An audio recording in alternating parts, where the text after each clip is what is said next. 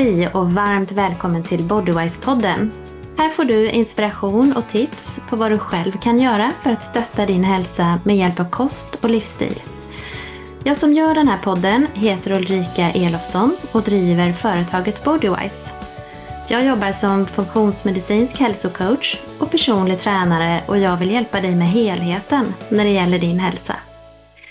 I det här avsnittet pratar jag med triatleten, författaren, föreläsaren, debattören och inspiratören Jonas Kolting. Vi pratar om drivkrafter, artegen kost, hur han själv äter och tränar efter 50 och såklart om måndagsfastan. Du får också Jonas topp 3 tips för en mer hälsosam livsstil. Hoppas du gillar avsnittet.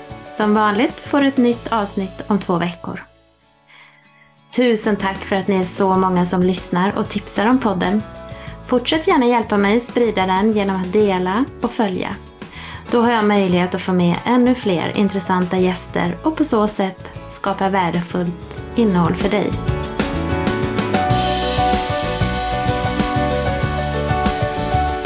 Hej och varmt välkommen till Bodywise-podden Jonas. Tack så jättemycket. Stort tack för att du tar dig tid att vara med. Du har ja. ju otroligt många järn i elden. Ja, nej, men vi har ju bokat om den här tiden faktiskt ganska många gånger. Det har ju varit mitt, eh, mitt fel. Och så det har varit det ena efter det andra som, uh, som har uh, inkräktat på den tänkta tiden. Det har varit svårt att få, få till någonting. Men nu är vi äntligen här. En, ja. en söndagkväll i september efter barnen är utfodrade och kvällen har lägrat sig över vårt hem. Exakt. Ja, nej, men jag är jätteglad. Tusen tack för att du tar dig tid att vara med i alla fall. Eh, du är ju en stor förebild för många och eh, även för mig faktiskt. Du var faktiskt ja, roligt. Som, ja, det var faktiskt du som inspirerade mig till att börja med triathlon för många år sedan. Eh, och du är... Skoj. Ja, det tycker jag med. Och du är ju triatlet, men mm. du är också författare, du är föreläsare som gillar att inspirera men också att provocera och utmana etablissemanget lite grann. Och eh, du är ju superbra också på att skriva och uttrycka dig. Du skriver ju väldigt roligt också. Och eh, ibland när jag läser dina texter så skrattar jag faktiskt så att jag gråter. Speciellt när du beskriver hur du städar när Elin är bortrest. Ja, ja, ja, men exakt. Ja, nej, men jag håller mig inte, jag, precis, jag håller mig, med, med, väl inte alltid till ämnet om man säger så, i det som folk förväntar sig att jag ska kanske skriva om. Jag, försöker, jag skriver ju väldigt fritt ur mitt eh, liv, liksom, eller eh, allmänna... Jag har alltid haft problem med det här hur man vill eh, låsa in en människa vid en genre eller en, en föreställning i förväg. Alltså att, ja, men här har vi en idrottskille och då ska han skriva lite grann om idrott och möjligtvis att han kan skriva kanske lite grann om hälsorelaterad eh, ja, hälsorelaterade insikter och så vidare. Men eh, jag ju, skriver ju nästan lika, mycket, ännu hellre faktiskt, mer nu idag om samhällsfrågor eller vardagsfrågor eller barnfrågor eller filosofiska frågor. Mm. Eller, ja, frågor som har en helt annan bas äh, än, äh, än det som är i, min, liksom, i mitt yrkesmässiga ursprung. Så att, och det vet jag att det kan förvirra människor att eh, ja, även som idrottsman eller var man än nu kommer ifrån så har man ju naturligtvis en mycket större bredd som, som människa om man vill dela med sig av det. Och jag har ju alltid roats av att skriva. Och eh, jag har alltid känt att det finns en stor kreativitet att hämta ifrån skrivandet. Mm. Att, eh, ja, det ger upphov till väldigt många lustfyllda liksom, upplevelser. Eller, eh, jag, jag känner att jag själv blir lite smartare när jag skriver någonting bra. Så där, och jag vet att alla som alla som använder skrift och alla som roas eller har det som yrke känner ju igen sig i den beskrivningen att eh, vissa dagar när man är sådär påslagen, då är det fantastiskt att få skriva någonting roligt eller någonting argumentativt, någonting som man tycker, någonting som man vill framföra eller överhuvudtaget att man samlar sina tankar på ett papper eller ja, i datorn då, som det är idag. Så att, mm. ja, men tack för, det var roligt att höra att du tycker så. Tycker det. Ja, nej, men det är jätteroligt och inspirerande. Men du, jag tror ju att du har ju otroligt många följare och Eh, jag tror att väldigt många känner till dig. Men jag tänkte ändå be dig att eh, börja med att presentera dig lite kort för de som kanske inte vet så mycket vem du är. Du kan väl bara lite kort berätta ja, mm. vem du är, vad du har gjort. Ja, men den korta storyn är att jag eh, är 50 år gammal och bor i Borås. Och här har jag bott i hela mitt liv. Född här, eller jag är faktiskt född i Göteborg, men uh, har bott här sedan jag var sex månader gammal. nu är jag gift med Elin och vi har två barn. Snart tre barn faktiskt. Uh, börjar väldigt sent med familjebildningen. Och uh, det är ju det är spännande, det är spännande naturligtvis. Då. Och min bakgrund är väl att jag primärt har varit idrottsman i större delen av mitt liv, eller åtminstone i den första delen av mitt liv. Började med simning och var väl en, blev väl till slut en okej okay, eh, simmare. Eh, inte på den absoluta yttersta elitnivån, men jag blev en hyfsad simmare som kunde vinna distriktsmästerskap och så vidare. Och eh, eh, av en slump kan man väl säga så började jag med triathlon för mer än 30 år sedan, 1990. Och eh, det var en idrott som jag hade kanske som min fysiska talang passade lite bättre för än, än bara bassängsimning och också mitt, mitt psyke. Och det var en idrott som efter många snåriga turer och eh, väldigt mycket så ups and downs eh, så kom jag att bli professionell i det, mitten på 90-talet. Jag hade vunnit några junior-SM-guld, jag vann mitt första senior-SM-guld 96.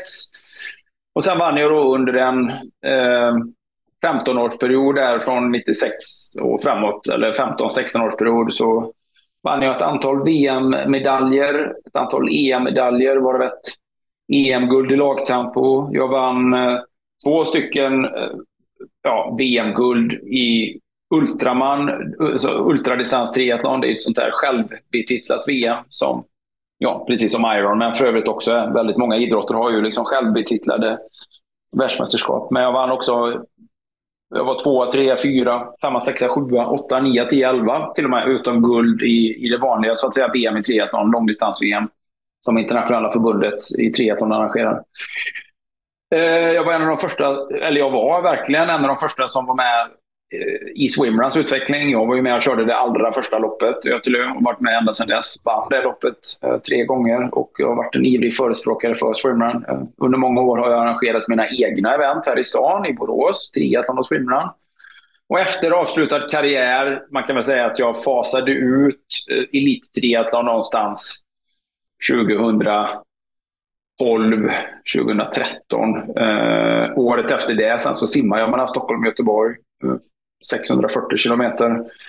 Några år ytterligare efter det så simmar jag runt Gotland 30 mil. Så jag har liksom fortsatt att göra väldigt... Jag har alltid fortsatt att träna precis som att jag vore, inte som att jag vore proffs i triathlon, men jag, jag har ju liksom aldrig lagt av med det livet. Jag har alltid roats mycket av att träna. Jag tycker jag mår väldigt bra. Mm. Men sen har jag parallellt med idrottskarriären föreläst. Jag har utvecklat mycket egna tankar kring träning, men framförallt om hälsa. Och det kommer ju av helt klart min, min bakgrund då eh, som eh, ja, att jag har läst från tidig ålder. Min mamma var akademiker och sen när jag började med triathlon så var ju det en idrott där man fick ha väldigt mycket eget ansvar själv på den tiden. Det fanns inte ens ett förbund och det fanns liksom ingen annan som brydde sig mer än jag. Så att om inte jag brydde mig om hur min träning gick så var det absolut ingen annan som skulle göra det heller. Så att man fick vara egen. Man fick ha ett stort egenansvar. Man tvingades till en autodidakt inlärning. Eh, och eh, det tränade många viktiga förmågor för resten av livet. Och man tvingades förstå helhet med träningsprocess men också hälsoprocess. Och det, var många, ja, det var många små steg fram och även steg tillbaka naturligtvis. Men mm. Eh, av allt, allt, hela den processen då fram till nu, och jag är fortfarande i en lärandeprocess naturligtvis, för nu har jag gått in i en ny fas i livet som ja, väldigt medelålders man, 50 plus, men ändå småbarnspappa. Så det, det, finns alltid liksom en eh, det finns alltid en eh, viktig poäng att göra med att eh, ta en ny eh, kritisk eh, titt på sig själv och sin tillvaro och vad man kan göra och, och vad det syftar till och liksom att utvärdera och ta sikte framåt och för, förstå sin roll i sammanhanget med människor man har omkring sig. Och, Mm. Vad man vill göra. Så det, är väl den, det är väl den väldigt korta, korta enkla... Mm. Så, jag har aldrig varit anställd mm. någonstans. Jag har alltid jobbat med det här då, via mitt egna företag. Mm. Så att jag har alltid jobbat för mig själv. Och idag primärt så gör jag ju föreläsningar och också en podcast. Eh, jag har mycket coaching via eh, en coachingtjänst, både camps och coaching. Och eh, Jag har, haft ett, har ett våtdräktsmärke, arrangerat event. Och så har jag planer att jag eventuellt, om jag någon gång får tummen ur här då, också ska starta en livsstilscoaching som väldigt mycket riktar sig till människor som är lite grann där eh, jag är och du är med. Liksom. Ja, med, medelålders, medelålders plus minus 5-10 år. Liksom. Mera, hälso, mera ett hälso, ur ett hälsoperspektiv helt enkelt. Ja, och det är ju det här jag vill prata med dig lite om idag. Inte mm. just din eh, affärsidé där med coachningen, för Nej. det hade jag ingen aning om. Men just det här liksom, eh, kanske ålder, hur du äter och tränar nu och mm. Hur eh, man kan tänka när man är en vanlig Svensson så att säga. Men jag skulle vilja ja. börja med att läsa en grej faktiskt som du har skrivit på din blogg här för mm. några veckor sedan. Ja. 21 augusti så skriver du så här. Jag känner mig muskulärt starkare och mera allsidig än någonsin. Jag är mera robust, balanserad, stresstålig och slitstark än någonsin. Jag är friskare, har en bättre motståndskraft och har ett mer solitt immunförsvar än någonsin. Jag äter inga mediciner. Jag tar såklart inga hormoner eller steroider. Alla mina värden är superbra. Jag är inte unik. Jag är inte speciell. Jag är precis som vem som helst. Blott ett resultat av mina vanor. Hemligheten? Det finns ingen. Bara medvetna livsstilsval. Livsstilsval som finns tillgängliga för vem som helst. Jag har hittat livsstilsvanor som är konstruktiva för mig. Under åren har jag förädlat dem och ju äldre jag blivit, desto mer angelägna har de vanorna blivit. Jag har gjort mycket av min högst vanliga potential och min definitivt icke-unika generiska hälsoförutsättningar. De finns där för vem som helst att anamma. Alltså det här tycker jag är så himla bra. Mm. Kan inte du ja. berätta? Nej, men jag ville, Absolut. Nej, men jag kände att det är viktigt liksom att eh, jag hade aldrig velat vara den och jag har alltid varit eh, väldigt noggrann med att eh, betona hur jag ska inte säga att jag är medioker, för det, det är kanske fel ord, men att hur, hur lite ovanlig jag är och andra människor också är för övrigt. Alltså det är lätt att titta på människor som antingen är framgångsrika eller som är snygga eller som har ett speciellt utseende eller som kanske porträtterar en livsstil som verkar vara helt problemfri eller människor som har mycket pengar. Eller... Det är lätt att sätta upp folk på piedestal på något sätt och tro att de har att de har färdigheter som man inte själv har eller att de besitter kvaliteter som man inte själv har. Och det är klart att visst, människor, människor har ju olika färdigheter och har lärt sig olika saker. Så det är klart att vi är väldigt olika på många sätt. Men när vi pratar om grundläggande förutsättningar att hålla oss livsstilsfriska. Alltså så att, ja, Krävs det något speciellt för, för att eh, undvika att äta sig sjuk? Krävs det något speciellt för att uh, se till att man får motion och rörelse varje dag? Nej, det gör det faktiskt inte. Utan, och, och alla människor kommer svara positivt på det. Så jag vill liksom betona hur, hur eh, tillgänglig, om man nu tycker så här att eh, Ja, men han verkar ju frisk och stark, eh, Jonas. Och det verkar ju gå ganska... För jag är ju också ärlig. Det är ju sant som jag säger. Jag är ju, känner mig väldigt stark och frisk. Och, ja, jag är, bevisligen är jag ju det relativt att Jag är ju aldrig sjuk. Sådär, jag har någon dags, jag har någon dags eh, halvgubbaförkylning en, en gång per år. Sådär. Går runt och snorar liksom. Eh, Uh, och jag, jag, känner mig liksom väldigt fit och kapabel fastän mitt liv på många sätt är lite tuffare idag än tidigare. Så att, Eh, och, och, då hänger det ju på att det är saker jag har lärt mig och som jag är väldigt noggrann med att göra i mitt liv. Eh, och inte att jag är speciell eller har unika kvaliteter eller är en supermänniska eller du vet, besitter en eh, orimlig självdisciplin eller späk i mig. Eller, jag vet inte vad folk kan tro, men i allmänhet är det ju sådär att man, man tror att andra människor som lyckas med något som man själv kanske skulle vilja göra är liksom så, de är som utomjordingar. Liksom. De är så långt ifrån det man själv gör och är. Men så eh, kanske folk tänker när man följer dig och ser dig? Ja, jag hoppas inte det. För jag försöker verkligen anlägga en väldigt mänsklig sida hela tiden. Och, att, um, och, och att, ja, att alla ser att jag, jag sliter ju med mitt liv också. Massa utmaningar med att få ihop allt vad det är med hus, barn, familj, ekonomi, relation, ambition och sådär. Och då jo, men jag tänker just med träning kanske och ja. så. Att man jämför. Jag, ja, det är klart. Man ska ju inte jämföra sig heller. Nu kommer jag ju från en bakgrund där jag har extra... Jag har ju liksom en sån otrolig bas. Jag vet ju vad jag gör och så. Och det är inte det det handlar om. Det handlar inte om att replikera eller härma mitt, eh, med mitt träningsschema och sådär. Men att förstå grunderna i det och förstå liksom att det finns en stor kraft att hämta i det här om man har lite tålamod och om man är beredd att, och att man förstår också varför. Liksom. Ja, men, det är väldigt logiskt att eh, eh, det mänskliga djuret behöver röra sig. Det är väldigt logiskt att vi mår dåligt om vi inte får röra på oss. Det är jättelogiskt att vi eh, reagerar dåligt på väldigt mycket modern mat. Eh, det är jättelogiskt att vi reagerar superdåligt på för mycket inf information och stimulus om vi inte får varva det med lite tystnad. Alltså, det är inte konstigt om människor mår dåligt psykiskt om man inte har en ventil för stress exempelvis. Det finns så himla många saker som är rimliga och logiska. Sådär, och det, är inte, det är inte rimligt. Det är också helt rimligt att tro att går man runt och är rädd för allting eller tror att världen ska gå under imorgon eller att sådär, eller om man har dåligt samvete för att man bara andas och finns till. Jag menar, det, det är inte heller konstigt att man mår dåligt då. Så att jag försöker liksom bara landa det någonstans i väldigt solida grunder.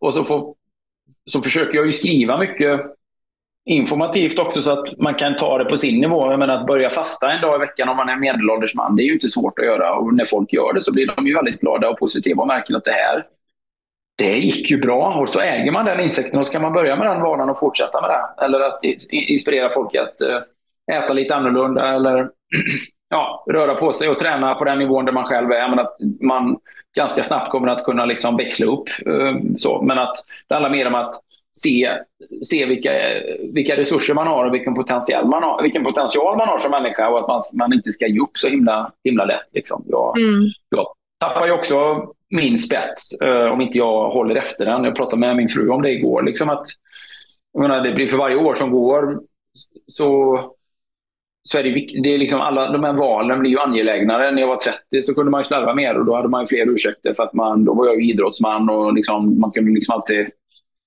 Eh, ja, inte för att jag var slarvig på det sättet, men, men eh, det, det, långsiktig hälsa tänkte man liksom inte så himla mycket på. När man är 50 och har tre små barn, eller ja, två och snart tre, då blir de här frågorna otroligt viktiga för mig själv.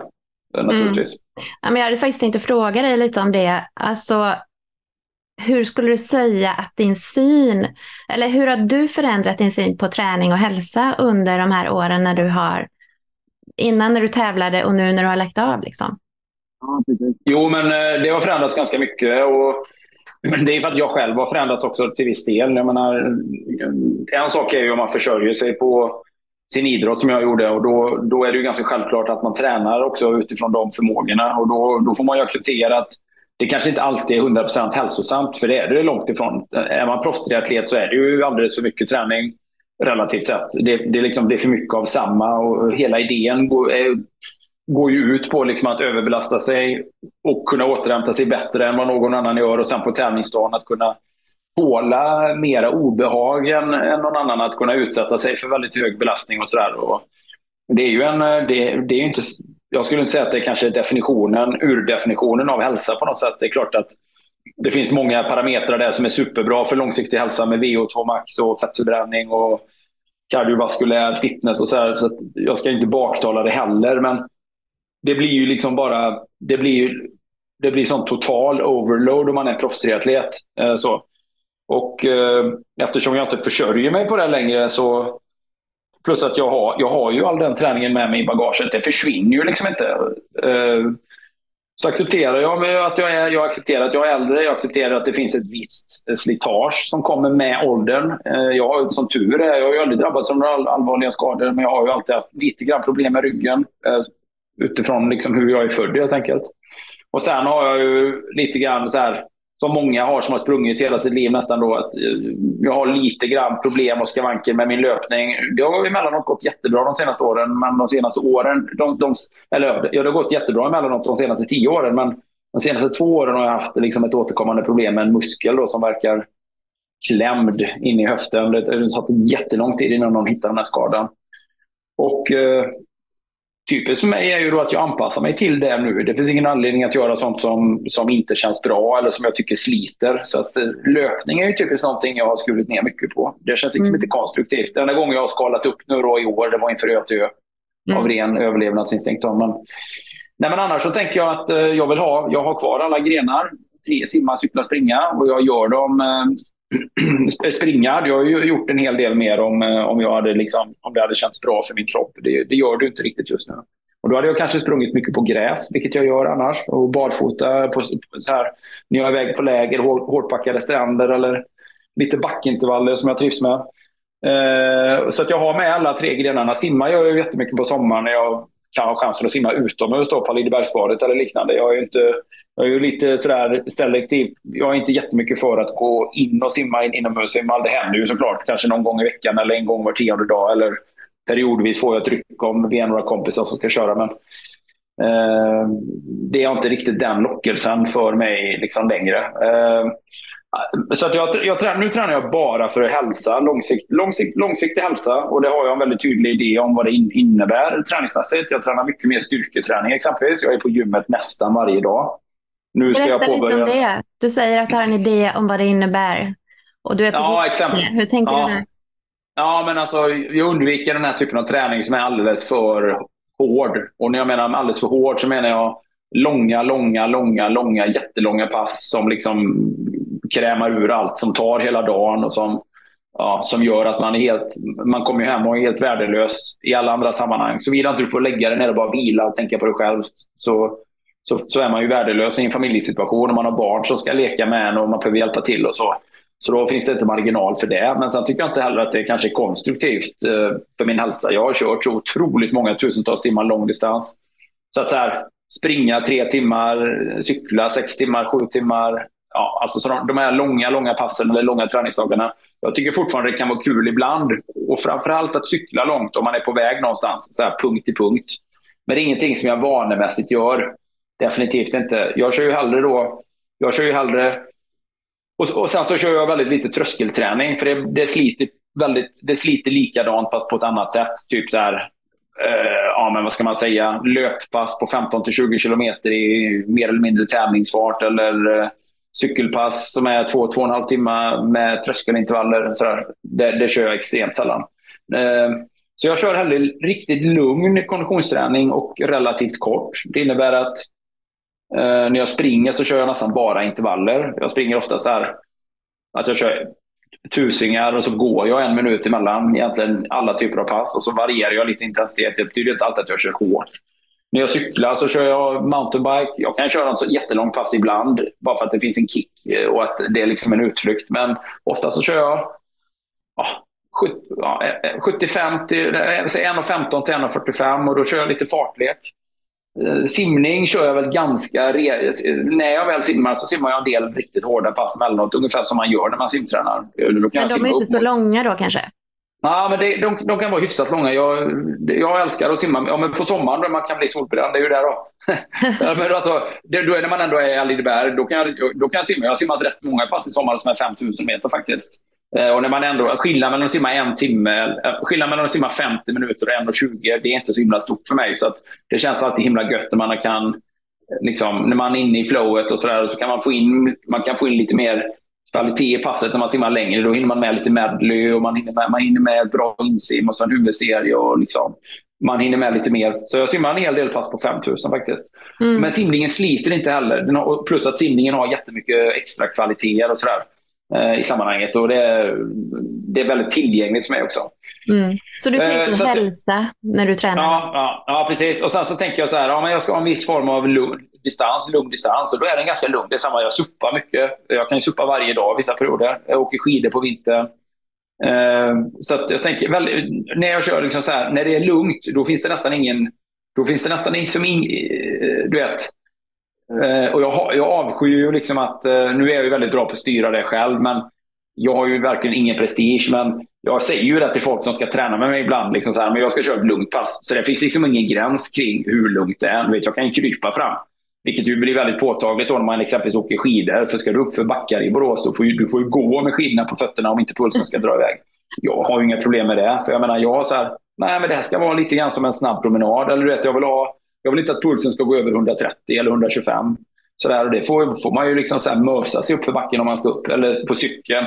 Sitta på den absolut lättaste växeln och bara så här, och det är för att det är den typen av pass. Liksom. Det, det, jag, vill inte, jag vill inte komma upp på en nivå där jag känner att jag börjar andas lite mer ansträngt. och så där. Det har jag andra pass för istället. Då. Så att, Mm. De, de, de längre passen som nu inte är så långa, de är, de, är, de är lite lugnare. Och så försöker jag köra åtminstone ett eller två pass i veckan som är hårda, hårda. Det är verkligen pressa på. Det kan vara backintervaller löpning, det kan vara stavgångsintervaller som är superhårda. Det är ändå fyra, fyra och en halv minuters jobb uppför. Jag, nu har jag börjat med mina vinterträningspass eller höstträningspass. Så kör jag mikroträning som jag kallar det. Eller ja, nu, mikroträning, det är ju ett, ett vanligt träningspass.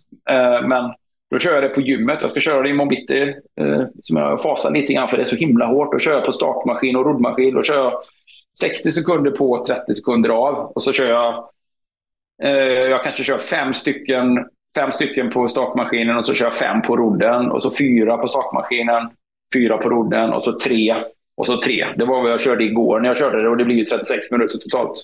Jag tänkte att jag kanske kör en intervall till på vardera så, så blir det 40 minuter. Men det är jättehårt. Det brukar vara kontrollerat i början men ganska snart så är jag uppe på över 160-165 i puls i slutet på varje minut. Och sen på de 30 sekunderna pulsen hinner knappt gå ner. Mm. Så, att, så, du eh, har de här riktigt intensiva passen kombinerat med de långa, lugna då. Men sen sa du också att du kör styrka nästan varje dag. Ja, nästan varje dag. Men säg sex, om jag har möjlighet, så jag, jag kör nog styrka sex dagar i veckan. I mm. Och hur tränar du då? då? Ja, men kör uh, blandat, väldigt kreativt. Ibland kör jag bara med expanderband och med Ibland kör jag liksom lite mer sån här, vad kan man kalla det för på engelska, calisthenics. Det kan vara upphopp på, det kan vara upphopp på uh, sån här låda, boxjumps. Fast jag, gör är ju aldrig, jag, jag är väldigt försiktig av mig. Jag kör ju med marginal, så jag, jag hoppar ju hellre med, med överkapacitet och slippa liksom trilla upp på lådan. Om jag menar. Jag skulle aldrig försöka slå något rekord i att göra höga boxjumps. Jag gör, jag gör ett upphopp upp på låda så kliver jag ner. Jag har en speciell teknik.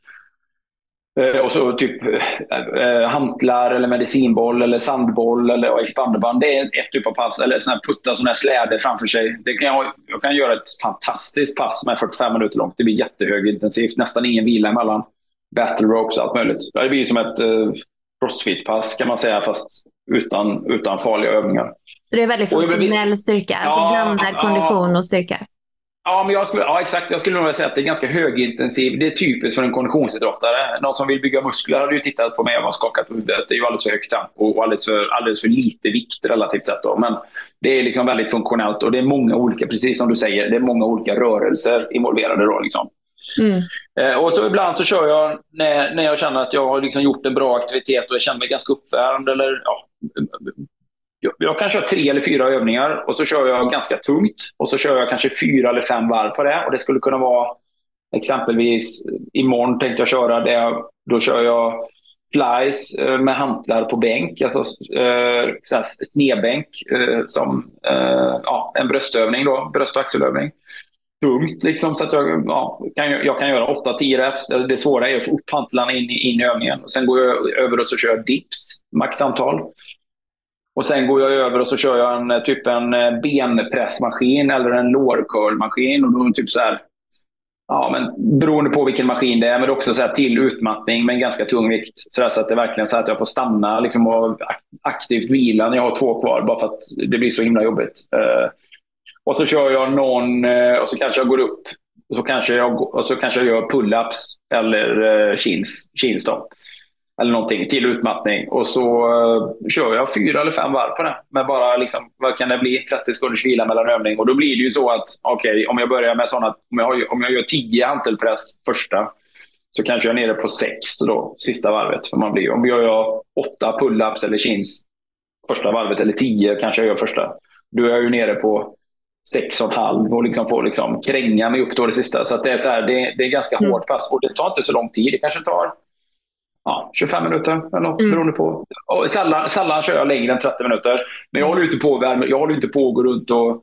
Du vet, jag skulle ju aldrig ställa mig på någon sån här cross-training. Jag går in, jag kanske gör en expanderbandsekvens först. Då. Det händer ofta att jag gör 5-6 minuter expanderband och lite armhävningar. Men annars går jag ju ofta rakt in i övningarna. Sen om jag har simmat 5000 tidigare på dagen, då vet jag att jag är liksom uppvärmd i kroppen. Och Då handlar det mest om att hitta tekniken in i rörelsen och att liksom vad ska man säga, att, vara, att känna sig trygg in alla som styrketränar vet vad jag menar. Man, man, känner att musklerna sitter där de ska in i rörelsen. Och så bara börjar man lite lugnt och så ganska snabbt känner man att man, har, att man är där. Och då, sen är det bara att köra på. Liksom. Mm. Men jag, gör, jag, gör, jag gör ju väldigt få farliga. Jag gör ju väldigt få. Jag gör ju liksom inga mitt eh, motto i gymmet är ju att träna tryggt. Liksom. Det sista jag skulle vilja göra är att riskera någonting. Jag tar ju väldigt, väldigt få risker, om du förstår vad jag menar. Jag, gör, jag har inga roterande vikter, jag kör väldigt sällan med kettlebell. Ehm, jag är medveten om mina brister eller mina, ja, vad jag inte behärskar. Så jag försöker träna tryggt och så tänker mest på att jag vill ha väldigt liksom, jag vill känna att jag kan verkligen så här, kräma ur i muskeln och att träna mig riktigt trött muskulärt. För jag tror att det, det är jag är inte intresserad av att bli en styrkelyftare, så jag skiter liksom i om inte det är 100% som de tycker att man ska göra. Jag vill liksom bara känna att jag får en hormonell respons, att jag tränar rörelsen som jag vill ha den eller muskeln som sådan, då, om du förstår vad jag mm. menar. Ja, absolut. Men du, nu har du berättat uh, ganska ingående här hur du tränar. Mm. Bra och inspirerande. Men uh, sen tror jag att det är många också som är lite intresserade av hur du äter och vad du äter. Ja, ja men absolut. Jo, men det vet jag. Det, kan, det, det väcker nog ändå mer, som jag upplever det. Det är väl det folk eh, tycker. Det. Men om jag ska bara avsluta träningen där. Så jag, mm. jag försöker få in jag försöker få in två träningstillfällen om dagen. Eh, det är mitt, alltså mitt minimum, är det inte, för ibland blir det färre tillfällen. Men, men det är vad jag strävar efter. Det är, min, liksom, det är min basnivå. Och då är det liksom ett, en form av konditionspass. Det kan vara då ett kort och hårt pass, ett lite längre pass eller så mittemellan. Men att och så varierar ju det över veckan vad jag gör. Och vissa, vissa perioder kanske jag bara nästan simmar för att jag tränar för något eller för att det är fint väder eller att jag har lite flow. Och så, här. så kanske jag, då kanske jag simmar och så kanske jag gör lite, lite löpning efteråt. Eller jag kanske, och då det är såna, och ibland har jag, ofta kan jag faktiskt klämma in ett, ett tredje pass också. Men konditionspass på förmiddagen i regel och så ett styrkepass på eftermiddag kväll. Så, så ser min liksom basstandard ut om jag får Mm. Eh, generalisera. Och, ofta, och ibland kan jag få in ett, något form av kortare pass mitt på dagen. Eller ibland har jag bara mer tid att träna. Då kan jag göra ett till sånt här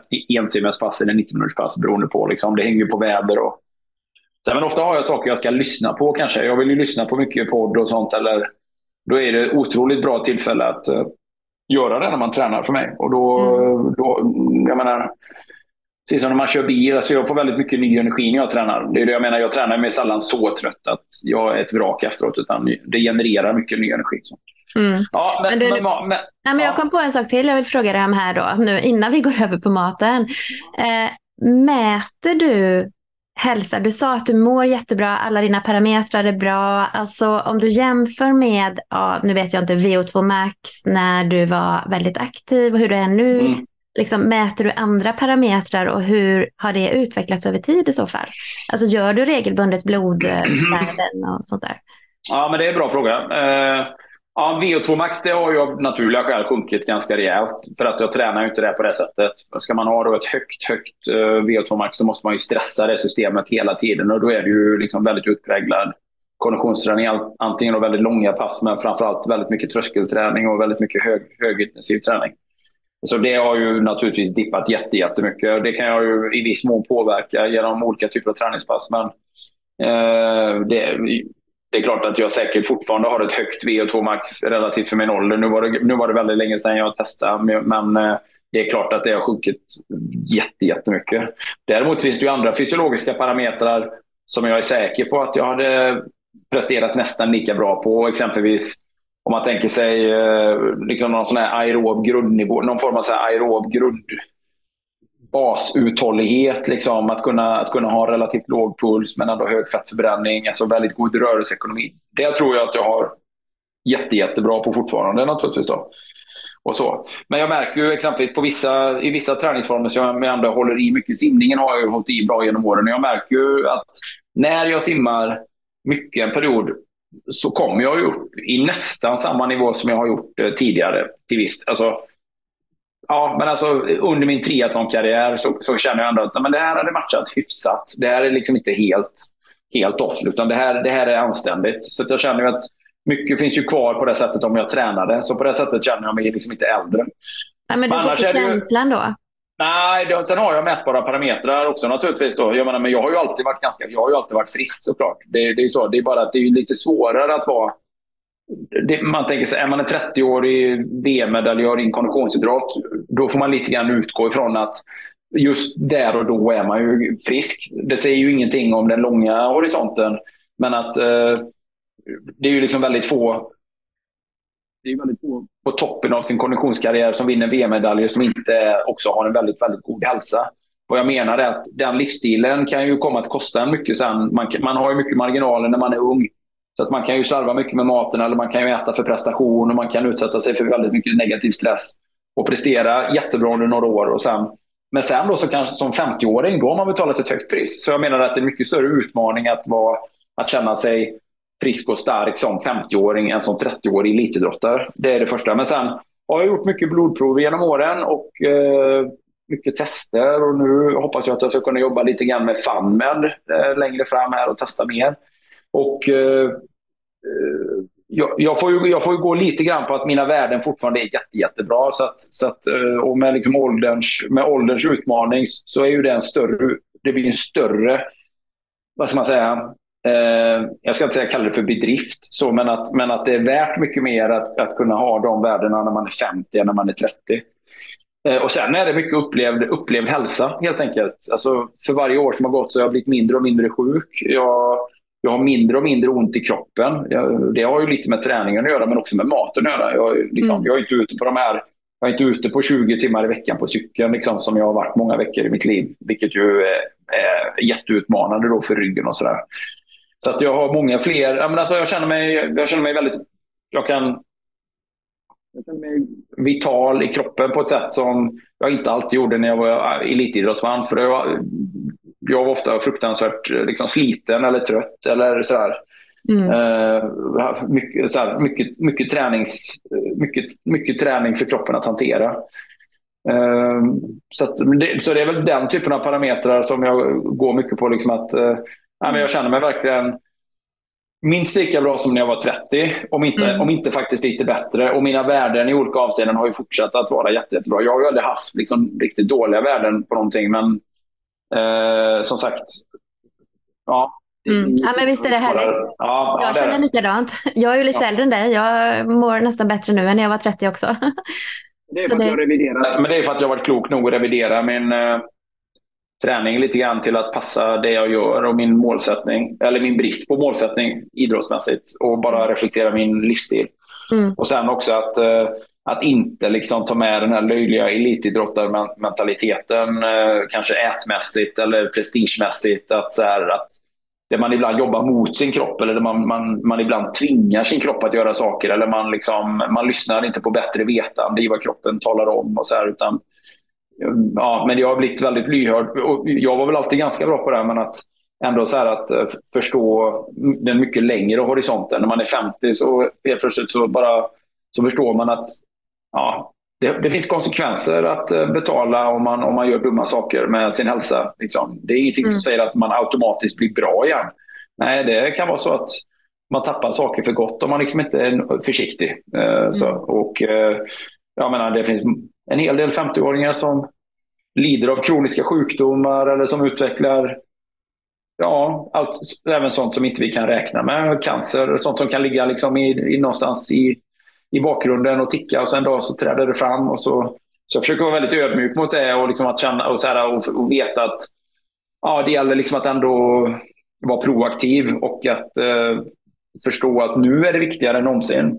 Vet, mm. liten, små barn. Sådär. Plus att jag är väldigt intresserad av det. Jag tycker det är kul att jag tycker det är väldigt kul om jag kan inspirera människor och, och visa att eh, ja, man, kan ju inte, man kan, ska inte jämföra sig med varandra och man kan verkligen inte påverka allting. Men, men det man kan påverka så ska man, så ska man det. Man, det man kan påverka ska man göra sitt bästa med att, med att jobba med. Därför att det kommer ge så bra marginaler i livet. Och om man då, gud förbjude, skulle drabbas av något som man inte har räknat med. Det kan vara en olycka, det kan vara cancer, det kan vara någonting så har man bättre verktyg att jobba mot det också. Jag menar, vad man än drabbas av i livet, är man van att kämpa och van att liksom, jobba med inställningen att man har mycket i sina egna händer, då kommer man att klara av väldigt många svårare utmaningar bara genom ren bara genom de verktygen man har jobbat med, om du ja. förstår vad jag menar. Då.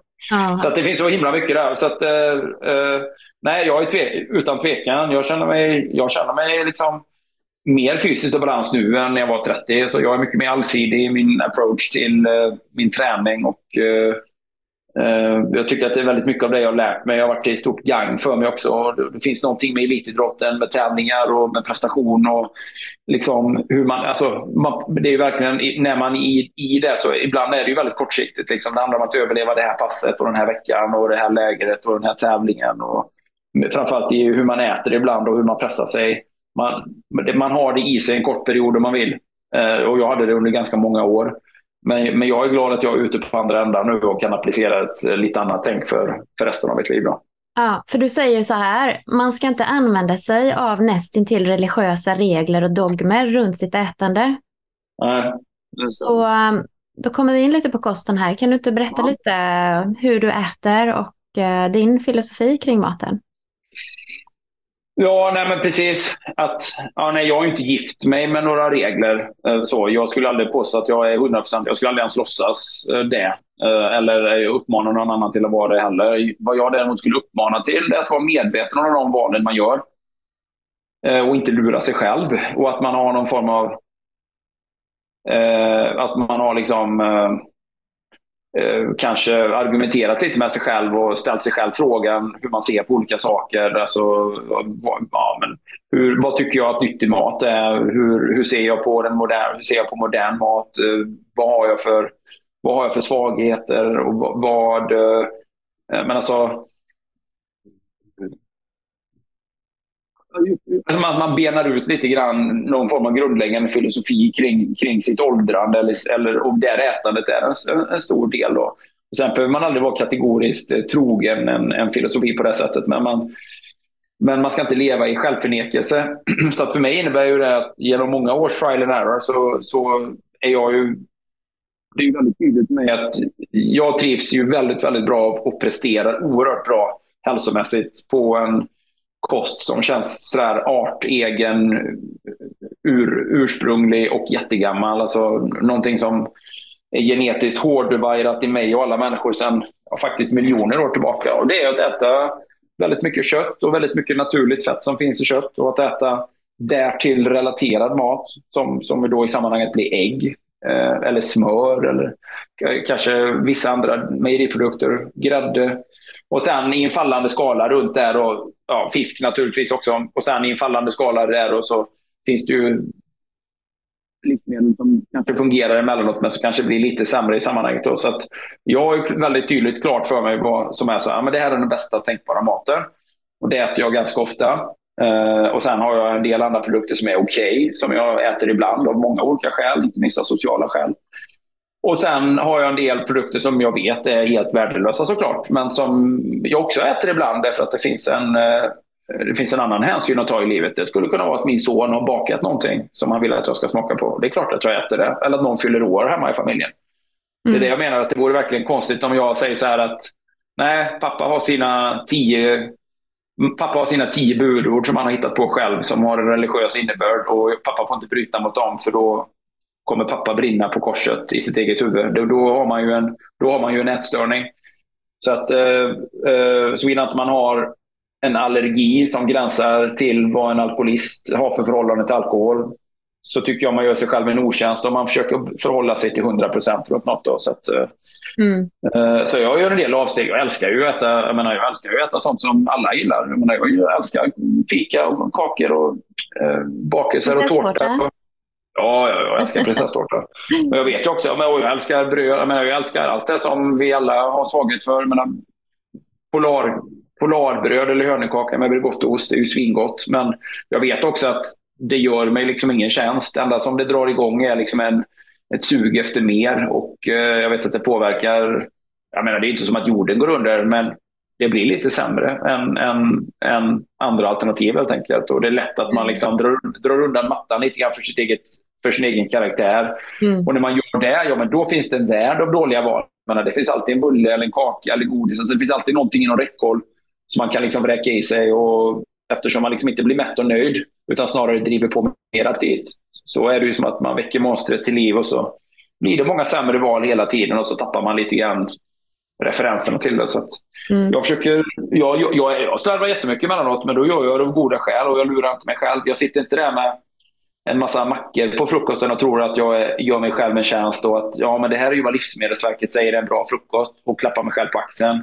Jag vet ju att det här är ju verkligen ingen, eh, det här är ju verkligen en slabbig, slabbig frukost. Men det kanske finns ett skäl till det just där och då. Man kanske är med familjen någonstans. Jag kanske bor på ett hotell och ska avnjuta med min fru en härlig hotellfrukost. Eller, du vet, sådär, va? Det, det kanske finns någonting annat som för stunden har högre prioritet.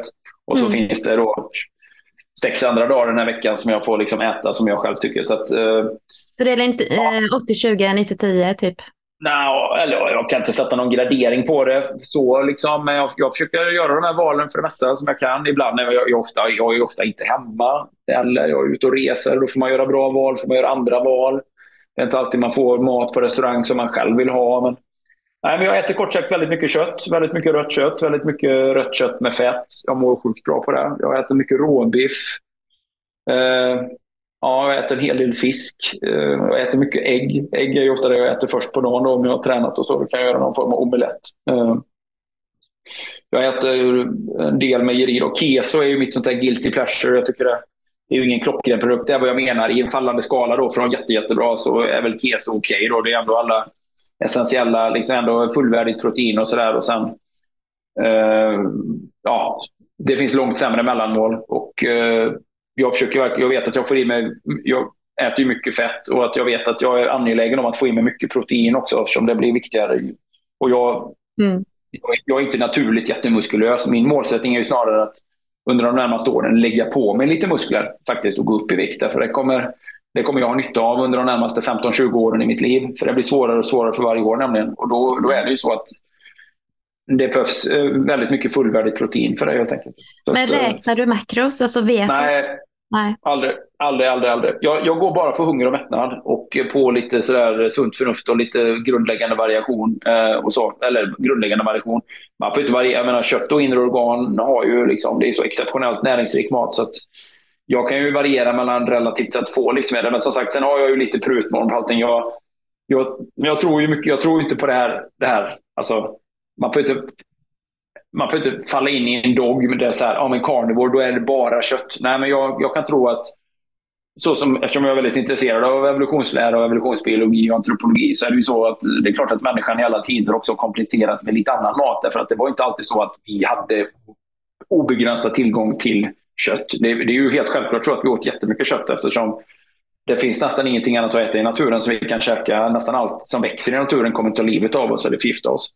Så, och, vi kan absolut inte äta oss mätta 5000 kalorier på att gå och plocka blåbär som, som växer sex veckor per år och så vidare. Så, här, så att, eh, det är så uppenbart att vi har ätit extremt mycket fett och, och kött. Men eh, det, så, som, så som det ser ut också nu i vår värld med livsmedelskultur, jag menar, jag tycker inte det, ja, det, kan, det är rimligt och det är ja, för min egen njutnings skull. Ja, men jag kan göra en omelett och så blandar jag ner en eh, halv banan eller två tredjedels banan i, i smeten och mosar ner det. För att jag tycker det ger god smak och det, till, det tillför liksom helheten lite grann. Då. Och det är så väldigt lite kolhydrater om man nu ser till att jag också har åtta ägg och eh, en lite grädde och sådär. Om du förstår. En stor klick smör och stekar i. Så jag, jag tänker liksom mer att det som man kan kalla för animal based. Eh, brukar använda lite honung ganska ofta när jag äter kött. Honung på köttet tillsammans med smör. Uh, ja, så, så det är väldigt lite kolhydrater egentligen? Ja, men absolut. Inte jätte... Ja, nej, men det är det definitivt. Sen emellanåt så kan jag äta, jag menar, på sommaren, jag äter ju det som väldigt mycket också i säsong och vart jag är. Jag äter ju en del melon på sommaren. Det är klart, det är inte mycket kolhydrater på det stora hela i gram så, men volymmässigt så blir det en del. Jag kan äta, mycket, äta både mango och vattenmelon. Nej, nej, absolut. Det blir inte så mycket kolhydrater på det sättet. Jag kan ju känna att jag reagerar väldigt bra på att hålla ner den mängden. Och Eh, bevisligen så, eftersom jag tränar jätte, jättebra också när jag fastar och eh, också på en väldigt så att säga eh, ja, en, en kosthållning på, på relativt sett lite kolhydrater så, så vet jag att det är optimalt för mig och jag tror att också väldigt många människor hade mått bra av samma. Eftersom mycket, väldigt många av de här kolhydraterna är ju väldigt processade eller dåliga. Eller, men menar, man kan säga mycket om kött men en sak som man inte kan ljuga om är ju att det är ändå en produkt som i nästan alla avseenden ser ut precis som kött gjorde för en miljon år sedan och två miljoner år sedan. Ja, det, är en, det är ett klövdjur som har betat gräs och örter. Så, va? Det, det, det, är kött. Och äter man en biff så är det väldigt mycket samma. Men nästan allt vi äter i kolhydratform det är ju liksom förädlat utifrån moderna premisser. Mm. Vi, äter ju moder, vi äter ju moderna bananer. Det fanns ju ingenting som ens var i närheten av våran banan så som den ser ut för, inte ens för tusen år sedan, än mindre för hundratusen år sedan. Mm. Eller inga av våra moderna frukter. Och Nej. bär eller no, alltså, allt, allt, eller jag menar, vete fanns ju inte ens. Socker fanns inte ens på det sättet. Så allt det här som vi, som vi tänker, ja men havregrynsgröt är väl bra. Ja, men var, var, på vilket sätt är det bra? Alltså, på, ja, alltså, utifrån vilka parametrar skulle vi säga att det är bra? Det är en extremt liksom, modern processad produkt. Sådär, så att, eh, jag säger inte att inte det kan vara gott eller kan ge en skön känsla i magen. Man blir mätt kanske en, en stund. Men det blir så här, diskussionen blir lite trubbig ibland och då känner jag att eh, jag mår bättre när jag tar bort väldigt mycket av det och det jag äter är då i regel i form av Ja, men typiskt kanske lite grann frukt till maten. Jag äter gärna liksom lite, något äpple eller något päron. Eller, eh, jag menar, nu innan jag kom ner hit och spelade in podd så gjorde jag mat till familjen. Och så, jag kan äta lite potatis exempelvis. Då, om det, nu gjorde jag hemmagjorda köttbullar på hög, hög eh, revsfärs och nötfärs och så i gräddsås. Och så gjorde jag potatismos till killarna. Och så åt jag lite potatismos själv och sen gjorde jag en efterrätt efteråt. Och då gjorde jag med fryst mango, frysta bär och en banan. Och så stavmixade jag det med, med grädde och eh, en halv pressad citron och lite ekologisk honung. Så mm. käkade jag lite själv också, såklart. Gud vad gott. Så, så, ja, absolut. Och det är ju såklart att i det stora hela jämfört med en bastant portion gröt så är det ju väldigt försvinnande liten del kolhydrater i en, i en liten sån portion som jag äter. Då. Eh, men du, innan. Eh, när jag berättade för mina följare att du skulle vara med, att jag skulle intervjua dig, så frågade jag om de hade några frågor till dig. Då, mm. då fick jag faktiskt en fråga här, varför du väljer frukt framför grönsaker till ditt protein. Jag tycker inte eh, att eh, det alltid finns så kanske goda eller bra grönsaker. Men många grönsaker är ju ska, alltså, Många frukter som jag äter eh, äter, tar man bort skalet på för det första. Och eh, jag vet att mycket av grönsaker är besprutade då för det första. Eh, och sen är ju frukt kanske lite godare i sammanhanget då. Lite juicigare och är lite liksom saftigare. Jag vill gärna ha den lite saftigare upplevelsen. Och att mycket av det som jag käkar eh, i fruktväg är ju liksom nära här. Jag käkar mycket under, sig under sommaren då, om jag är i Sverige. Svenska jordgubbar exempelvis. Eh, svenska äpplen. Svenska, okej okay, visst, käkar lite bananer emellanåt då, men, men inte alls vad jag gjorde förr. Jag äter väldigt lite avokado jämfört med tidigare. Därför att det behöver vi liksom då importera. Jag tror väldigt mycket på den hela idén att vi ska äta det som processas, eller som är nära. Jag, köper, jag gör, kanske gör lite grann med svenska blåbär och sådär också. Men eh, jag, jag äter ju lite grann med grönsaker emellanåt. Jag gör ju speciellt när jag lagar mat till mina killar så gör jag ju ibland sån blomkål. Jag gör blomkålsmos istället för potatismos. Då äter jag ofta lite. Ibland gör jag lite grann broccoli och så. Men eh, frukt äter man ju liksom rå på det sättet. Väldigt få grönsaker passar råa tycker jag. Jag vet inte vad det skulle vara som är till för någonting. Salladsblad tycker jag verkar tråkigt.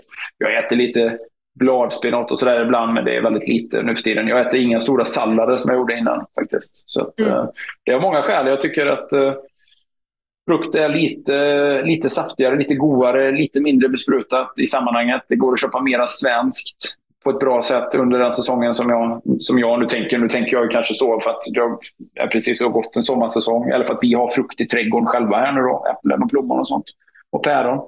Så det är väl lite grann så. Och, eh, det ger en bra kontrast smakmässigt också till om man tänker sig till en köttbit då, då blir det bra med svenska jordgubbar och kött. Liksom. Det blir en bra kombination med saftighet och sådär. Mm.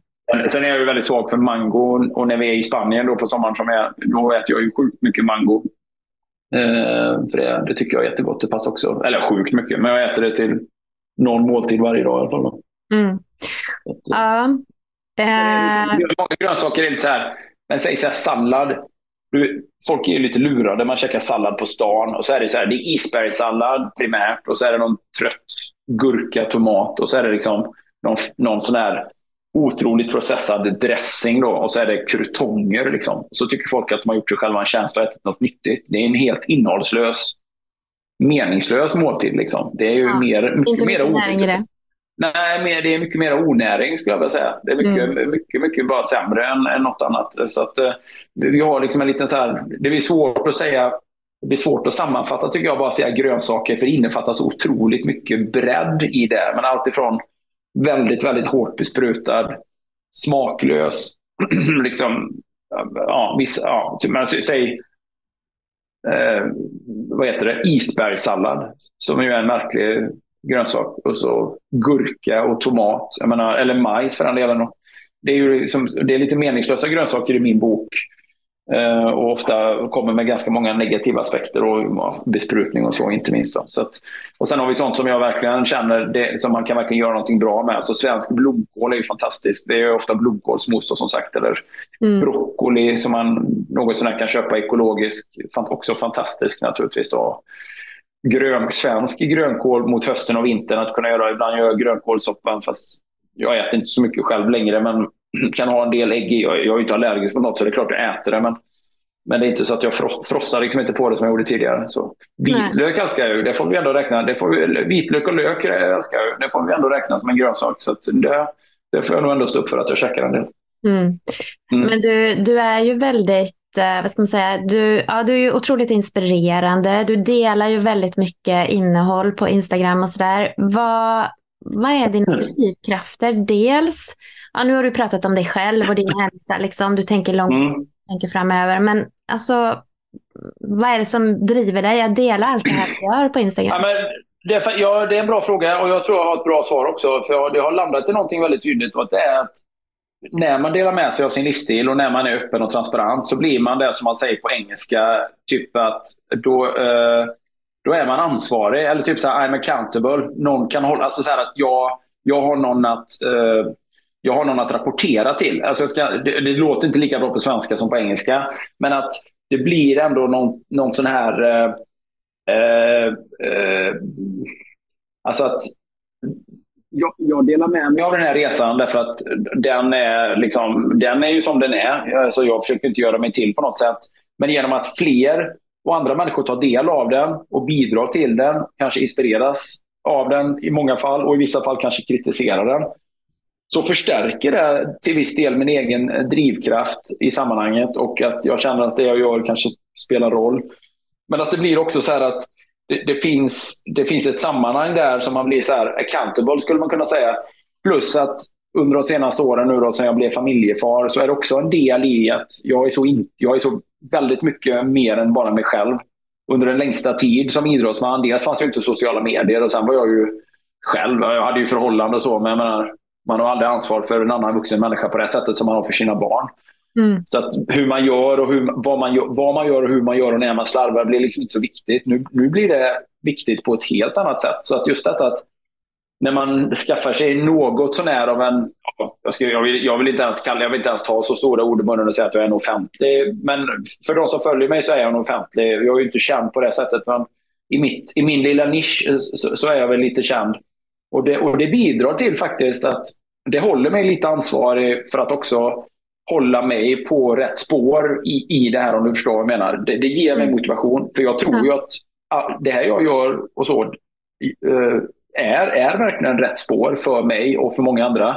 Sen finns det mänsklig svaghet och trötthet och stress och omständigheter som gör att man spårar ur ibland. Det gör ju ja, det gör det hos alla. Ja, absolut. Men, men då blir det ändå så här att man, och jag menar, jag tycker ett centralt ord är medvetenhet. Att man, man förstår, man kan se sig själv och, och så kan man också säga att okej, okay, här, är, här har jag liksom en trigger. Eller typ, när jag blir för trött och hamnar i den situationen, då är det lätt för mig att då ska jag trösta mig själv med det här. Eller i den här situationen, det vet ju alla, alla om alla som har lite självinsikt vet ju så här, okej, okay, händer det, det och det, ja, då har man ett sämre humör eller då är man mer lättirriterad eller då är man mer känslig. Så, så har man lite självinsikt så, så ser man sina egna mönster över tid när man är sårbar och Då kan man också lära sig att undvika det lite mer. Inte alltid, man kan inte kontrollera allting och speciellt inte när man har barn och så. Men man kan, man kan vara medveten om det och skydda sig själv och andra och att på något sätt inte, inte kräva perfektion, för det vore ju bara löjligt.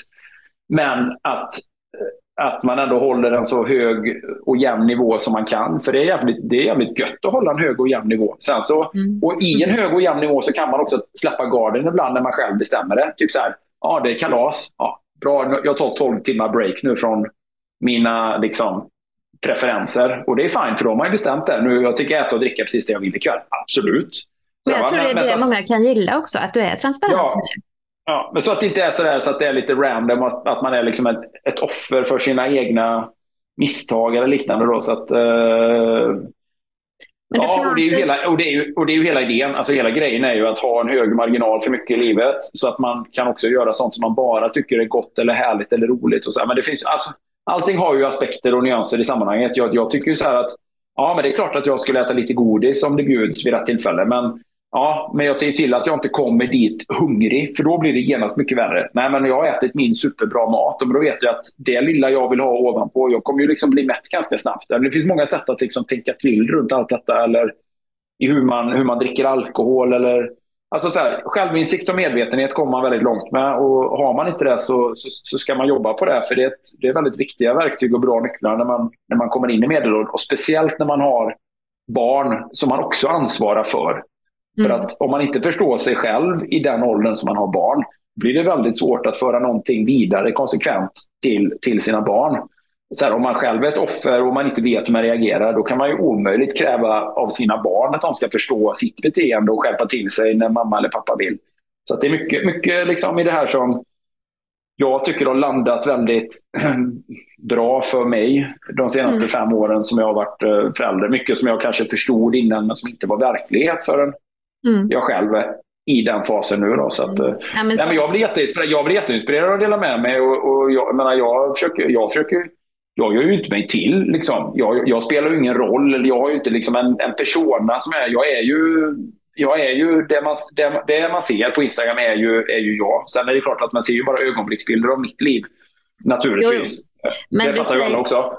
Jo, men jag är ju det... lättillgänglig. Men vem som helst kan ju ringa. Vem som helst kan ju ringa mig till och med. Eller vem som helst kan ju komma på min föreläsning och prata med mig. Vem som helst kan ju skicka ett mail eller sms. Jag svarar ju på nästan allt. Om det, inom, inom, ja, inom rimlig nivå naturligtvis. Då. Men, men så, så kände jag ju inte att, att folk ringer mig och messar mig från höger och vänster. Men, men jag, jag, finns, jag finns ju alltid här. Jag menar, så fort någon skriver, eller till och med folk skriver meddelanden på sociala medier jag svarar ju så gott jag kan. Ibland, ibland blir det lite övermäktigt, men, men eh, konkreta frågor och sådär. Jag försöker alltid svara på allting eller hänvisa till någonting åtminstone. Så mm. jag, är ju, jag är ju tillgänglig och det är för att jag gillar det. Och jag vet ju att det finns en del som har fått Eh, vad ska man säga? Jag vet ju att det finns en del som har fått eh, inspiration ifrån att ha läst något eller hört Absolut. mig säga något eller sett mig och det gör ju mig jätteglad. Då, då tycker jag att då, då, det, det, blir värt någonting för mig. Förstår du? Alltså, ja, det här ja. är värt någonting för mig ändå, som det är. Men, mm. fin, ja, men jag, när, jag, när jag hör att någon säger så här att fan vad det hjälpte mig, eller sen jag följde dig, eller nu har mitt liv tagit en vändning till det bättre. Jag blir ju jätteglad av det såklart. Ja. Och någonting som man ser väldigt ofta att folk skriver om, tycker jag, det är ju just fastan. Mm. Mm. Att många har blivit... Nu kör vi. För du kör ju ja. måndagsfasta och du har gjort det många år. Jajamän. Ja. Det, och det är en fantastisk metod och det, och det är faktiskt det som jag märker att flest hakar på. Det är också en väldigt lågt hängande frukt. Det är ju väldigt lätt att... Det tror jag inte man tycker. Nej, nej, nej, kanske inte. Nej. Och det är ju lite skillnad mellan män och kvinnor där faktiskt. Men, men om man är en medelålders man och har de här 10-15 kilona övervikt som näst, jag ska inte säga alla medelålders män, men väldigt många har de här 10-15 kilona, trivselkilona eller mer dessvärre. Det är det är verkligen inte svårt fysiologiskt att, att klara sig utan mat ett dygn. Däremot kan det vara lite svårt känslomässigt eller i huvudet. Sådär, va? Men eh, ett dygn går väldigt, väldigt snabbt. Så att, eh, jag får mycket feedback att folk tycker att det är en oväntat positiv upplevelse. Sådär, va? Jag har ju alltid varit tydlig med att ja, det funkar för många kvinnor också, men inte lika bra och inte för alla som, som det faktiskt gör hos män. Då. Och det har ju lite med hormonella cykeln hos kvinnor är annorlunda än hos män. Och månadscykeln är ju så tydligt varierad. Liksom. Eh, män har ju mer en, en mycket liksom, jämnare cykel. Mm. Men, ja, men det är bra ja, hur som helst. Så att kvinnor ja, blir medvetna om det. Ja, ja absolut. Men, men, men eh, om man vill börja fasta då? Ja, superenkelt. Ät ingenting från en middag. Ät, ät middag en kväll. Ja, jag tycker måndagar är bra. Därför att det är en ny start på veckan. Psykologiskt tror jag många förstår måndagar. En ny start, nu kör vi igång. Man ska vara fokuserad. Och så, ja, då äter man ingenting. Då äter man middag på söndagen och sen äter man ingenting på kvällen. Där då, så att man ska inte gå och småäta. Utan vi säger att man äter middag sju. Ursäkta. Och sen är man klar halv åtta. Ja, så får man gå och pyssla med det man gör en kväll och sen går man och lägger sig och så sover man. Och det blir ju en vanlig natt då såklart, för det är, ju, det är väl så de flesta gör. Ja, och sen går du upp på morgonen och så tar man en kaffe. Och så kanske du tar en kaffe till, men du äter ingenting. Och så är det ett utmärkt tillfälle att göra någonting motionsmässigt. Och eh, om du inte är en träningsperson så kan du åtminstone gå en promenad. Ja, och sen till jobbet och sen så bara du hoppar över. Sen är det verkligen så här, nej men om de andra fikar på jobbet då, det beror ju på vilken arbetsplats man är på, då tar man en kaffe till och så kör man på. Och när de andra jobbar, eller ursäkta, när de andra äter lunch, då gör man sig själv oanträffbar och så bara man kör på med sitt och så bara man jobbar vidare eller kanske tar en promenad till och så ja, ganska snart är det eftermiddag och så kör man på. Dricker lite vatten när man är törstig. Uh, ja, och sen är det ju så att man hoppar över lunchen där och sen så är, är, det, sen är det ganska snart middag. Då får man liksom, man kommer känna sig piggare och piggare, inte piggare och piggare, men man kommer överraskas ju längre fastan går. Ett dygn är ju inte länge ska man komma ihåg. Att man kanske känner sig oväntat pigg, man tror att man ska vara trött, men så är man klar i huvudet och man producerar ketoner, man, man känner sig fokuserad. Man får mycket gjort fastän man trodde att man skulle vara väldigt trött och hängig. Och så är det mat då vid samma tidpunkt. Vi säger att det är mat vid sju så att, ja, det spelar ingen är det 23 timmar och 30 minuter eller liknande. Det är liksom inte sådär, men man kan väl säga att ju längre man, har, ju längre man håller i fastan, desto bättre effekter. Så kan man äta en lite senare middag där på måndagen så är det ju kanon. Eh, men ungefär 24 timmar kan man säga. Mm. Och då äter man en vanlig middag och så märker man så att aha, nu har vi lite nya verktyg som märks tydligt. Och det är hunger, riktig hunger, inte blodsockerfall, och mättnad. Riktig mättnad, inte liksom sån här akut överätande. Liksom så att ja, frost, frossandet kommer ikapp en, utan naturlig mättnad att säga bara, ja, nu är det bra. Och då kan man Eller passa på att kroppens signaler mer. Ja, verkligen. Ja. De flesta är ju sugna på jobbet till morgonfikat för att de kanske käkar en stärkelserik frukost och åt man mackor på morgonen då, så ja, då, då, är man sugen till halv tio. Då vill man gärna ha en macka till eller en bulle eller något. Och det är inte hunger utan det är blodsockerfall. Så, mm, ja. så det är verkligen inte svårt. Och när man har satt det i system och gjort det några veckor så kommer man märka att man ser fram emot måndagen. Och, eh, jag fick precis ett sms från Nils van der Poel här, innan vi började som skridskoåkaren som jag träffade för några veckor sedan. Han var himla sugen på korttidsfasta så han skrev till mig. Han bara, det är ju skitbra. Man behöver inte äta på Det är ju, fan vad, vilken bra vana. Jag, jag sa det till honom. Du, du är så gammal än Nils, så du har inte så stor... Ja, du är inte riktigt den målgruppen, men, men det är alltid bra att träna på det. Liksom, så att, nej, ja, men, men alltså, evolutionärt sett så har vi ju inte ätit ja. hela tiden heller. Nej, nej, men det är, så, det är så otroligt självklart att för alla människor i alla åldrar så händer det ofta att vi inte fick mat på 24, 36 eller 48 timmar. Och allting mm. i evolutionen syftar till att vi ska överleva. Så det, då har ju naturen ett reservsystem som, gör oss, som stimulerar oss till att vi är energiska ändå och att vi har koncentration och fokus. Och det är en blandning av fettförbränning och hormonutsöndring. Och det skapas ketoner för vår hjärnas skull. Det är, ju hela, det är ju hela grejen. Det är ju en av anledningarna till, eller ja, den, det är ju den anledningen som är.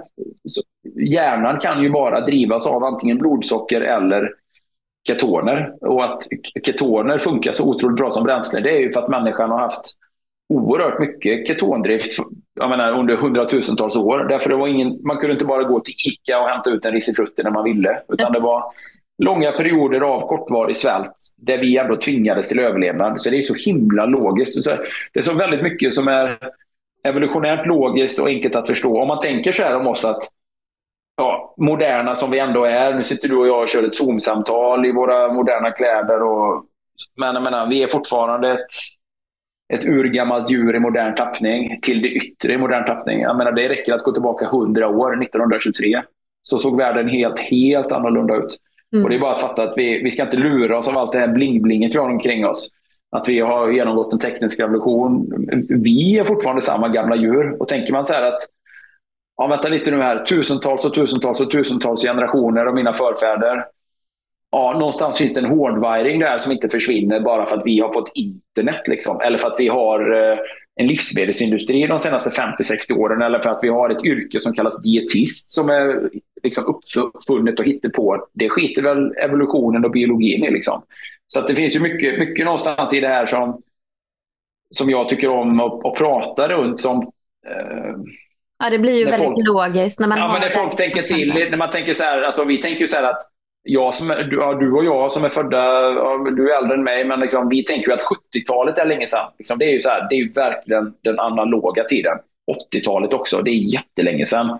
Men, men i sammanhanget så här, ja, och det är ingenting. Det är en och en halv generation människor. Eh, så. Eh, vi, vi kommer därifrån. Och det är bara att fatta, så här, om vi kan reflektera över de här stora förändringarna under vår livstid. Jag menar, tänk bara när vi växte upp. Vanliga telefoner med sladd, TV, den totala bristen på tv, maten vi åt. Det fanns liksom inget inflytande. Någon, alltså, det, vi hade ju fan knappt eh, flingor i flera sorter. Liksom.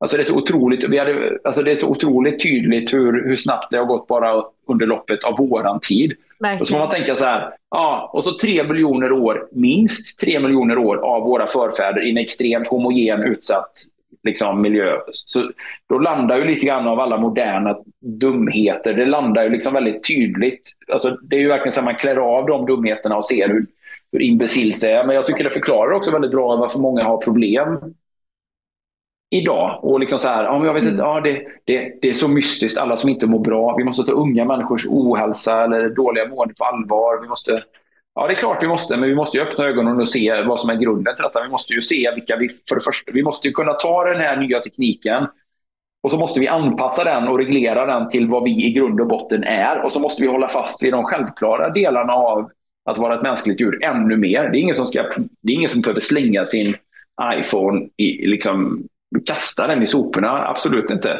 Men vi, ska liksom inte, vi måste förstå vad vi behöver för att vi ska kunna mm. fungera. Mm. Vi behöver motionen, vi behöver sova på nätterna, vi behöver syresättning, vi behöver skog och natur, vi behöver dagsljus.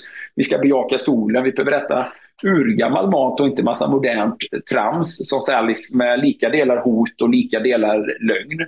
Eh, så, va? Börja, vi måste förstå värdet av relationer. Liksom så här, jag menar, som pappa nu, jag har ju blivit väldigt så här, ja men, ja, och det säger väl alla, så här, man blir lite konservativ och, eh, när man blir äldre. Men det, men det, är ju liksom, det finns en otroligt stark kärna i det här att familj, barn, min fru, du vet lite grann så här, det finns ett fundament som är väldigt viktigt, som har varit viktigt för alla människor. Det här, det här är viktigt, allt annat, mycket annat av varandra kan, är ju skitsamma. Va? Men liksom, man landar i viktiga, ja, till skillnad från så här, ah, min telefon är viktig, mina, mina likes är viktiga. Nej, det är helt oviktigt faktiskt.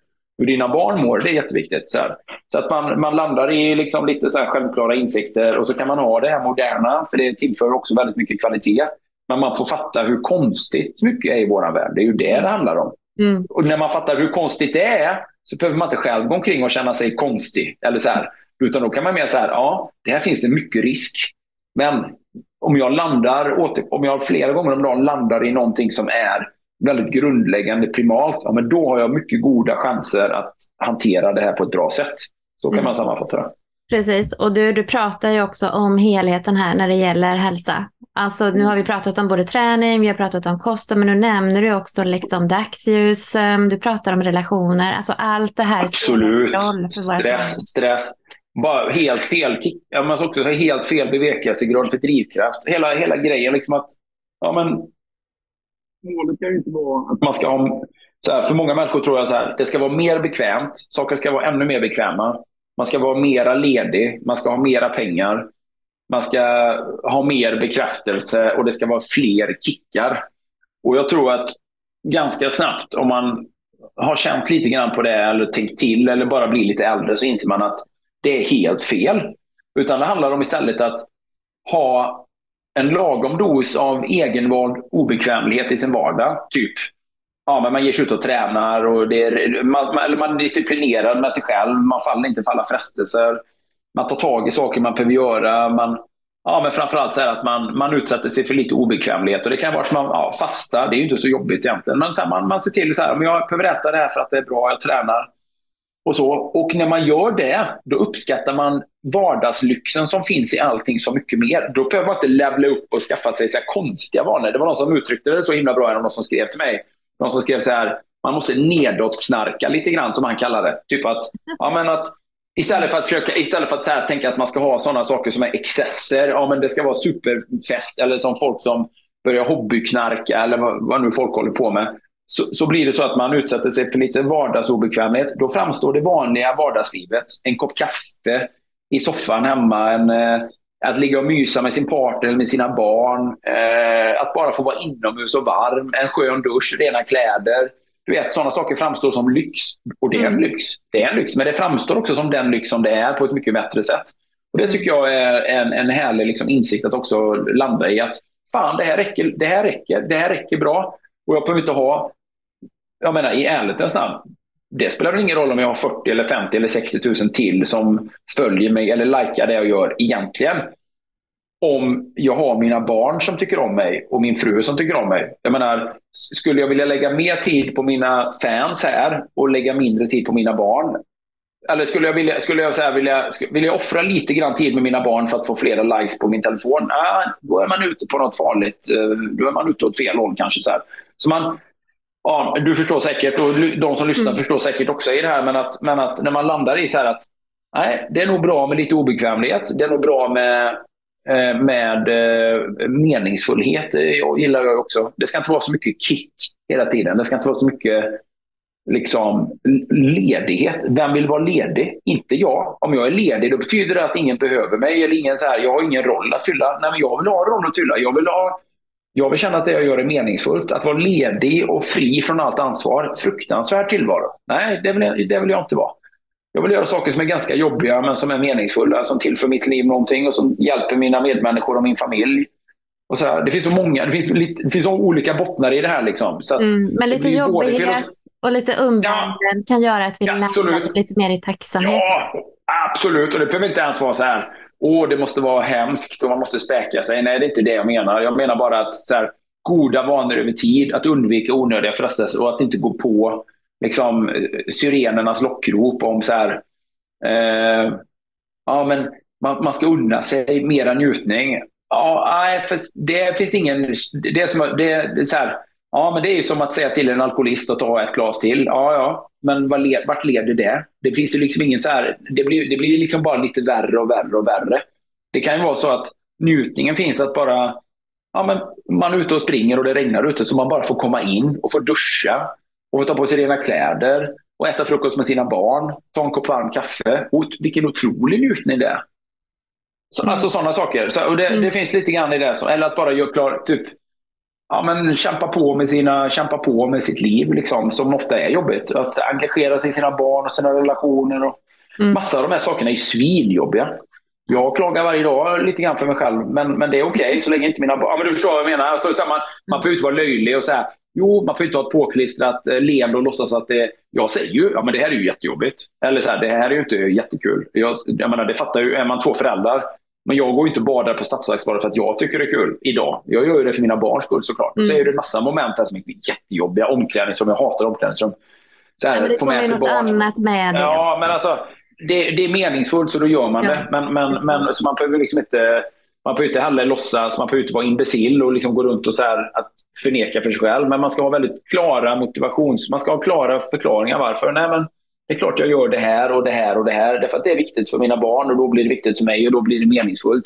Kul blir det inte. Nej, bekvämt. Nej, det hade varit mycket härligare att gå ut och typ jag kör en vinlunch med någon kompis och blir halvberusad klockan halv två. Ja, det är klart att det hade varit härligare för stunden. Men det hade ju varit en annan typ av härlighet som inte hade genererat så mycket eh, vad ska man säga, bestående härlighet. Det hade snarare blivit ganska patetiskt ganska snabbt.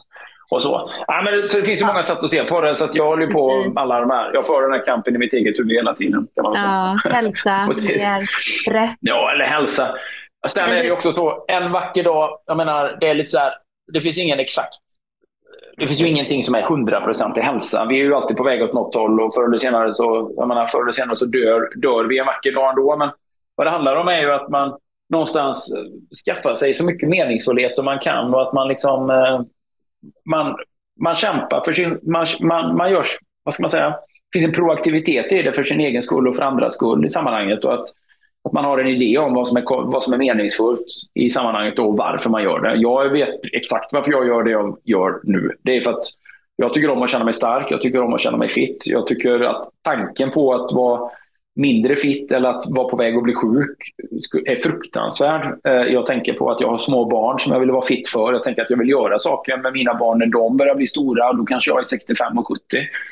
Jag tänker att jag vill vara ett föredöme och en förebild. Jag tänker att jag vill ha ett, ett långt hälsosamt, jag vill ha ett långt hälsospann. Jag vill inte kanske leva så länge, inte om jag blir sjuk, men jag vill ha ett, lång, ett, så långt spann jag kan av det här livet. Det man kallar mm. för healthy lifespan. Mm. Så. Ja, så vi får jobba på det helt enkelt. Ja, det var det. Vi kan inte påverka allt och det finns saker Nej. som kan hända ändå. Men, men inställningen gör så himla mycket. Inställningen och medvetenheten är det som betyder någonting. Och, och det mm. tror jag jättemycket på att, att äh, ha en eh, idé om sin roll i sammanhanget. Mm.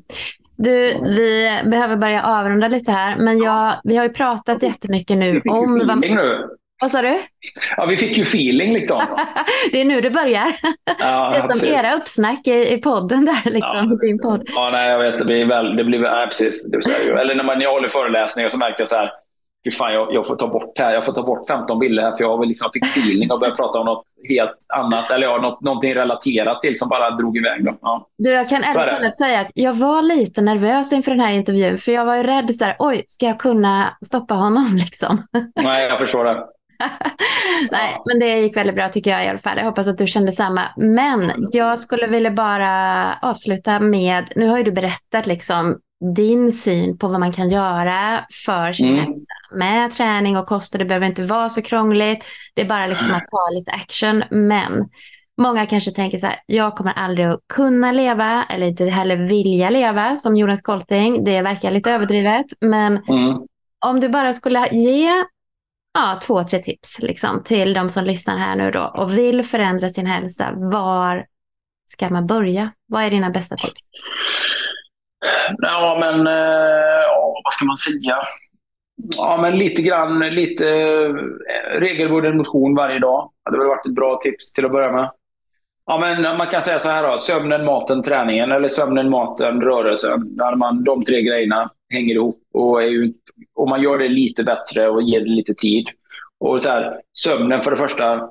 Eller vi kan börja med träningen, motionen ja, men att se till att få någon form av fysisk aktivitet på förmiddagen och någonting på eftermiddagen eller morgon och kväll. Och då pratar vi någonting så lite som att om, om vi pratar om någon som aldrig har rört på sig, ja, men gå ut och gå ett varv runt kvarteret. Det tar sju mm. minuter. Liksom. Det är ju alltså, first level i sammanhanget. Innan man sätter bilen och åker till jobbet typ? Ja, men alltså typ en, en medveten ansats. Okej, okay, jag ska gå runt kvarteret och sju minuter. Ja, bra. Och då ska du det ikväll också. Ja, det är ingen jätteuppoffring precis. Eh, så att någonstans på den nivån att få den rörelsen och, och har man bara lite, lite träningsvana så någonting som är något mer intensivt och lite mer genomgripande. Men det kan ju vara vad som helst. Men utan det är vanan minut efter. Mm.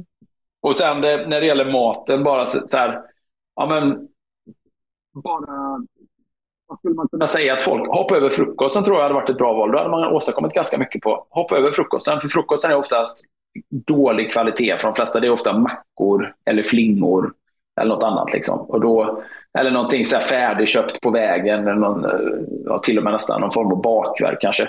Man kan, är man en vuxen människa som har ett vanligt jobb idag, då, då sitter man ner. Hoppa över frukosten. Ät istället en, en, en riktig lunch och en riktig middag. Här, bara genom att ta bort eh, den, den blodsockerhöjningen och aptiten på morgonen som det blir så här, ta en kaffe med grädde, ta en till, ta två kaffe med grädde. Och ska du äta någonting på förmiddagen för att du känner att du måste äta något, så äter du två kokta ägg. Bra, mm. och sen äter du lunch och middag. Perfekt. Mm. Då har man gjort att inte få det här blodsockerpåslaget på morgonen då?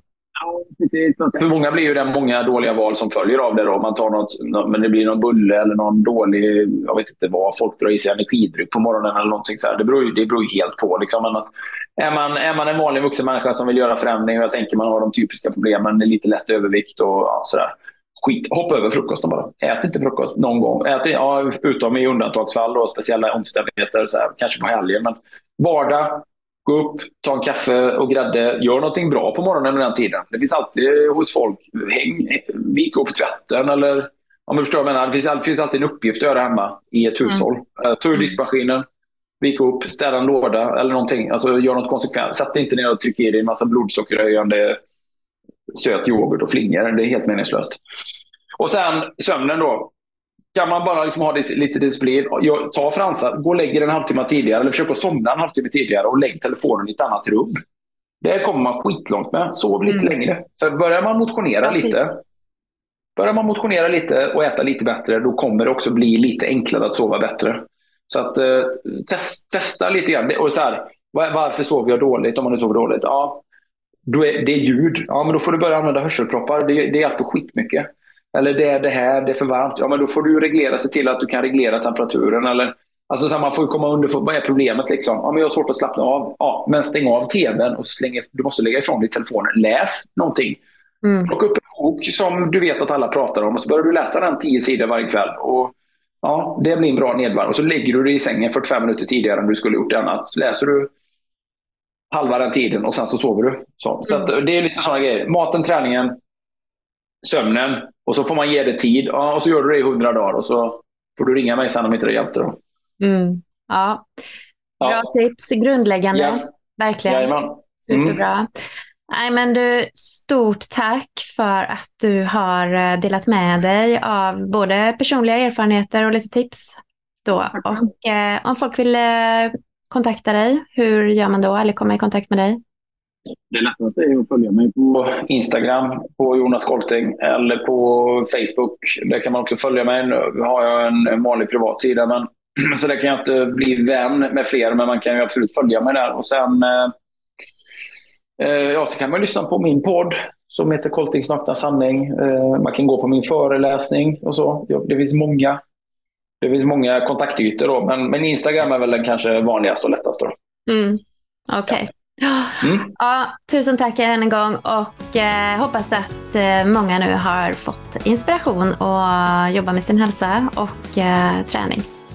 Tack så jättemycket. Härligt. Ha det fint. Tack så mycket.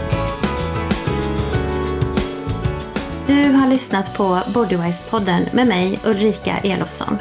Dagens gäst var hälsoinspiratören Jonas Kolting. I det här avsnittet pratade vi om Jonas egen hälsoresa, vad som driver honom och hur vi kan stötta vår hälsa på bästa sätt. Tusen tack för att du har lyssnat. Hoppas du uppskattar avsnittet. Vill du höra fler intervjuer som denna, kom ihåg att prenumerera på Bodywise-podden i Spotify eller Podcaster eller via min hemsida bodywise.se. Där kan du också läsa mer om mig och mina tjänster. Ha en fin dag, så hörs vi snart igen.